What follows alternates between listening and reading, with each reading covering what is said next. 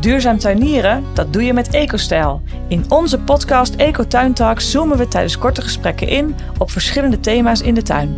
Zo kun je binnen no time jouw kennis over ecologisch tuinieren bijspijkeren. Nou, uh, vandaag gaan we het hebben over bladeren die van de boom vallen, maar die ook nog aan de boom zitten. We zitten nu vol in het seizoen dat uh, de bomen hun bladeren laten vallen. Ik, ik, moet wel zeggen, het is altijd wel een van mijn favoriete seizoenen. Ja, uh, al mooie kleuren. Oh, die mooie ja. kleuren. Het is ja. echt ja, prachtig.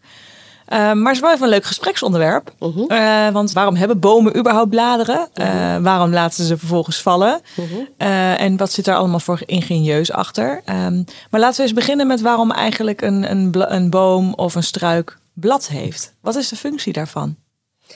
Bladeren zijn heel belangrijk voor planten. bladeren zijn eigenlijk um, de fabriekjes van een plant, waarbij dat, uh, ze in staat zijn om zichzelf te onderhouden, te voeden. Uh, want in die bladeren, die zijn meestal groen van ja. kleur, hè, uh, in die bladeren daar zit, zit bladgroen. En dat bladgroen dat is in staat om licht op te nemen.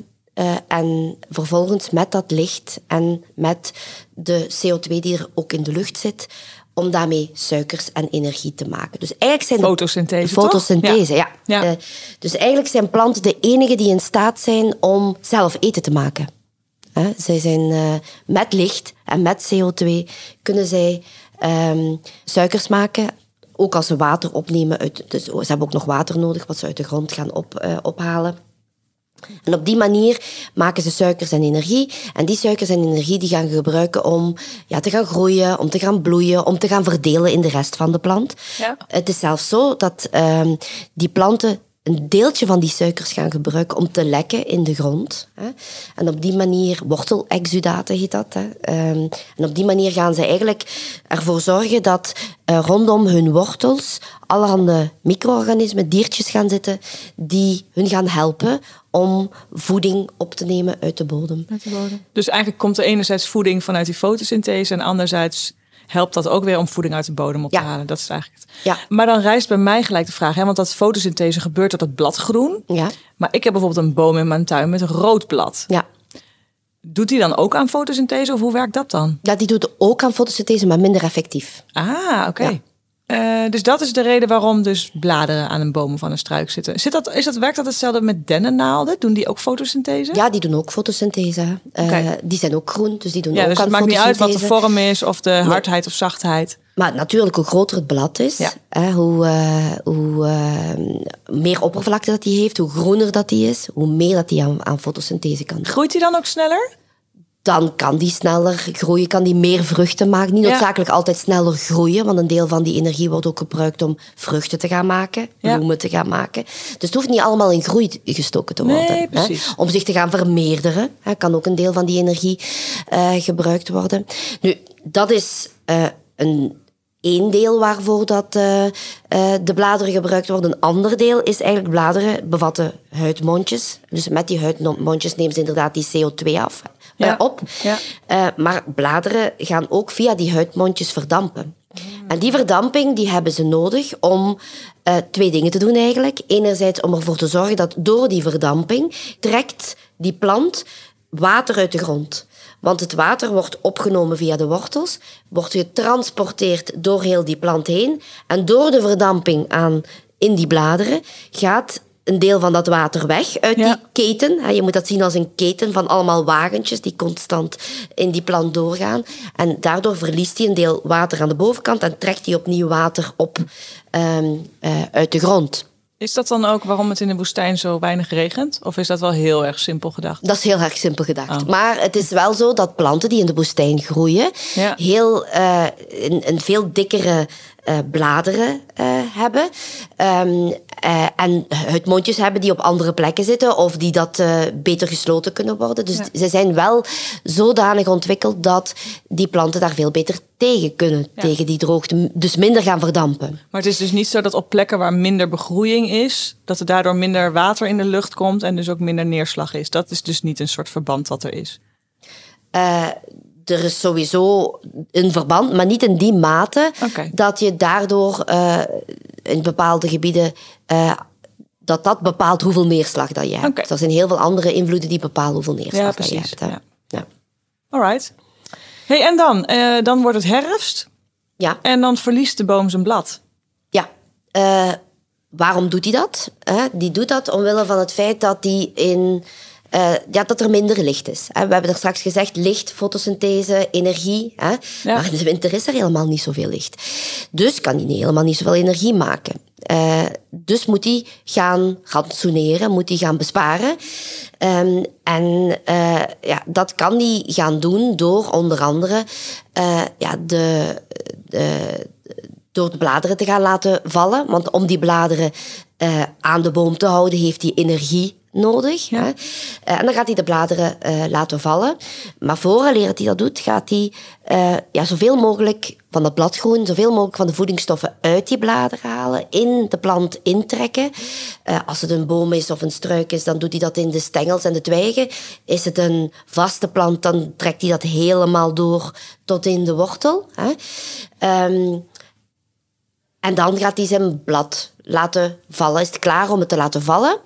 En Maar is dat ook de reden dan dat bladeren verkleuren? Hè? Dus dat alle Ja. voedingsstoffen eruit worden getrokken Ja. en dat het daarom van kleur verandert? Ja, ja. En van zodra dat die dan eigenlijk gevallen is, of bij het, bij het vallen, wordt er een kurklaagje gemaakt op de plek waar het blad gezeten heeft. En dat ku- kurklaagje is eigenlijk een stopje. Mhm. Ja. Hè, een stopje op de plek waar het blad gezeten heeft, zodanig dat die daar niet gaat eh, eh, Verdampen. verdampen. Ah, of dat er daar geen ziektes of eh, bacteriën in kunnen komen die dat, de plant daar gaat aantasten. Ja, ja, ja. ja. Oké. Dus eigenlijk is de, dus het laten vallen van die blaren helpt. eh, eh, er is minder, eh, minder licht, dus minder fotosynthese. Dus op die manier houdt de, de plant energie bij zich, maar ook het vocht. Hè? Want we hebben straks gezegd, eh, de huidmondjes gaan vocht verdampen. Ja, doordat ze geen, geen blaren meer hebben en doordat er een stopje zit op, op de plek waar het blad gezeten heeft, ja, kan hij al het water wat hij opneemt het weinige water, want in, Ja. in de winter eh, gaat er, de- is er minder water beschikbaar doordat het eh, eh, gaat vriezen. Daardoor kan hij al het water goed bij zich houden. Dus en daardoor laat hij zijn blaren vallen. Ja. Als een soort van zelfbescherming, als een soort van winterrust. Hey, en ehm, dus aan enerzijds hè, heeft het een reden om voor de boom om in overlevingsstand te gaan voor de winter. Ehm, maar het, het blad wat natuurlijk valt, heeft ook nog een heel andere ehm, belangrijke functie, toch? Ja, niks voor niks in de natuur. Precies, altijd, hè? ja. Ehm, het, het is zo dat het blad wat op de grond valt, hè, dat gaat eh, vervolgens afgebroken worden door eh, allerhande bodemorganismen. En dat eh, kunnen insectjes zijn, eh, zoals de springstaartjes en de pissebedjes, die dat, de blaadjes gaan, gaan verknippen, om het zo maar even te zeggen. Kleiner gaan maken. En dan vervolgens de regenwormen, die dat, de blaadjes de grond in gaan trekken. En dan die dat ook verteren, opeten, verteren voor een gedeelte. En dan schimmels en bacteriën, die voor de rest zorgen voor de verdere Ja, totdat je eigenlijk van die blaadjes die op de grond gevallen zijn, eigenlijk iets onherkenbaars, iets, iets Zwarte prut. zwarte prut overhoudt. Ik zal het maar even benoemen. Ja. Ja, en, en dat noemen ze humus. Ja. Hè? Eh, en wat is nu het voordeel? Ja, het voordeel is dat die humus een belangrijke functie heeft voor de bodem. Maar het voordeel is ook dat ondertussen wel heel veel diertjes van die blaadjes gegeten hebben. Ja, Hè? ja, ja. Dus de, de natuur onderhoudt zich daarmee zelf. Hè? Ehm, Dus het is voeding voor al die beestjes. Ja. En de, de bijvangst is ook, of een belangrijke eh, taak van die beestjes is ook om het dus kleiner te maken, waardoor het weer humus kan worden. Ja.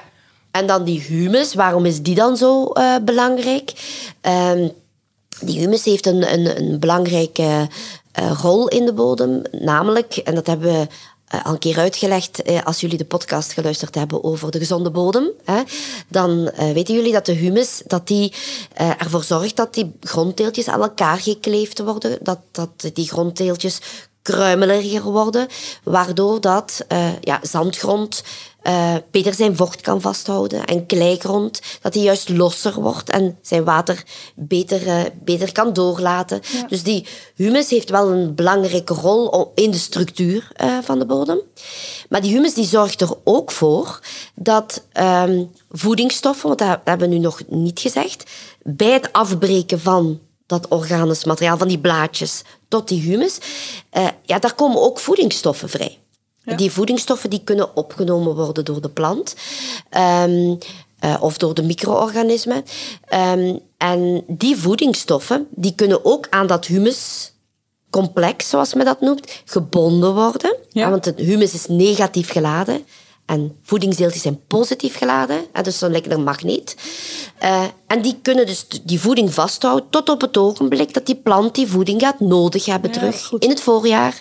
Ja. Dus ja, op die manier krijg je eigenlijk een mooi gesloten cyclus. Want je hebt dat blad op de boom wat heel belangrijk is. Vervolgens gaat dat vallen. Dat heeft een belangrijke functie in het feit dat uh, die micro-organismen, al die diertjes daarvan leven. Er komt humus van, er komt voeding vrij, voeding opgeslagen in het voorjaar. Dan komt die voeding terug vrij en kan plant die voeding terug opnemen als hij groeit om te gaan groeien. Maakt. En weer blaadjes maken. Dat is eigenlijk ook wel. Uh, ja, dus dat is eigenlijk ook altijd wat we zeggen bij EcoStel. Hè? Dat een bos uh, met, vol met bomen heeft ook geen bemesting nodig. Want dat onderhoudt zichzelf. Ja. Door die ecosystemen. Door, door die ecosystemen. Ja. Hey, en wat ik me dan wel afvraag, hè, want we hebben uh, een van de vorige afleveringen hadden we het over wat gebeurt er allemaal met dieren en organismen in de winter. Hè? En nou, het was eigenlijk een beetje ging het over dat het in winterslaap gaan, of in ieder geval minder actief worden. En zo ook de schimmels en bacteriën. In het najaar valt altijd blad op de grond. Maar uh, al die schimmels en bacteriën die worden minder actief. Ja, hoe wordt dat blad dan toch afgebroken? Of gebeurt dat eigenlijk pas in het voorjaar? Hoe zit dat? Ja, dat gebeurt een stuk al in de herfst. Hè? Want uh, iedereen denkt altijd dat als, het, als wij een jas moeten aandoen, dat het in de bodem ook ijskoud is. Maar dat is niet zo. De bodemtemperatuur die blijft veel langer warmer mhm. dan de luchttemperatuur. Dus die diertjes gaan veel langer door uh, om, uh, om afbraak te doen. Ja, en dan, als het echt gaat vriezen, dan valt het allemaal een beetje stil. Ja. Uh, maar dan in het voorjaar, dan gaat dat weer netjes verder. En zo krijg je eigenlijk een... De afbraak gaat over een, aan, een aantal maanden. Tussen de, eigenlijk de herfst, als de blaren vallen, en het voorjaar als... En zelfs in, de, in het voorjaar en een stukje van de zomer, als er heel dikke laag is van blaren, ja, dan, dan gaat dat verder. Ja. Ja, en wat je, dat is misschien wel een leuk bruggetje, want wat je natuurlijk ziet, wat heel veel mensen doen, die denken, nou, dat blad wat afvalt. Nou, weet je, oké, misschien de winter laat ik het nog wel liggen, want dan ben ik toch niet in mijn tuin. Maar zodra we weer naar buiten gaan, de zon gaat schijnen, misschien februari, is nog wel een beetje fris, maar ik ga lekker weer naar buiten. Het voorjaar kriebelt al. Mhm. Ik ga al dat blad eens even lekker opruimen, want ik wil gewoon mijn zwarte aarde zien. Ik wil het netjes hebben, uh, anders denkt de buurman, uh, wat een sloddervos. Um, maar ja, dat moet je dus niet doen. Nee, dat kan je, hoef je niet te doen. Maar wat, want kijk, het, het is natuurlijk, hè, vaak vinden mensen dat allemaal maar rommel, hè, dat het blad in hun tuin blijft liggen. Maar goed, je hebt net uitgelegd, die cyclus moet je juist sluiten. Dat is weer voeding, dat is organische stof voor in de bodem. Ja. Wat kun je doen dan om misschien dat afbreuk, eh, afbraakproces te versnellen? Zijn daar nog trucjes voor of tips voor die je kan geven? Ja, je kan het bodemleven stimuleren zoveel als je dat kan. Hè. Um, en bij hebben we nu een, een nieuw product hè, dat uh, uh, eigenlijk een ideaal product is om uh, ervoor te zorgen dat, dat die bladeren die op die gevallen zijn, hè, dat die sneller gecomposteerd worden. Mm -hmm. dat er voldoende bodemleven aanwezig is. Dat is een, een product wat micro-organismen bevat, zowel schimmels als bacteriën. Ja. En die zorgen voor een versnelde afbraak van die blaadjes die op de grond vallen. En dan hebben we twee soorten producten. één voor zware grond en één voor lichte grond. Dus één voor kleigrond en één voor zandgrond? Ja, um, uh, we voegen daar dan kleigrondverbeteraar en zandgrondverbeteraar aan toe, omdat je dan tegelijkertijd, uh, terwijl je toch die micro-organismen aan het toevoegen bent, hè, ook uh, wat extra kleigrondverbeteraar of zandgrondverbeteraar toevoegen. Op die manier niet alleen leven toevoegt aan de bodem, maar ook nog eens extra structuurverbetering ja. uh, doet. Dus eigenlijk is dat een heel mooi product uh, om ervoor te zorgen dat het organisch materiaal wat in je tuin is, in je tuin gelaten kan worden. Ja, en dat product heet de bladcomposteerder. De bladcomposteerder, oh, ja. Die gaan we onthouden. Uh -huh. um, ja, dankjewel voor deze goede uitleg, Sosjan. Ik ja. heb er wat bijgeleerd. Zeker. Dankjewel. Zo, jij weet weer een beetje meer over duurzaam tuinieren. Wil je nog meer leren? Abonneer je op Eco Talks, de podcast. Dan mis je nooit een nieuwe aflevering. Kun je niet wachten? Check dan onze website, Instagram page of schrijf je in voor onze nieuwsbrief.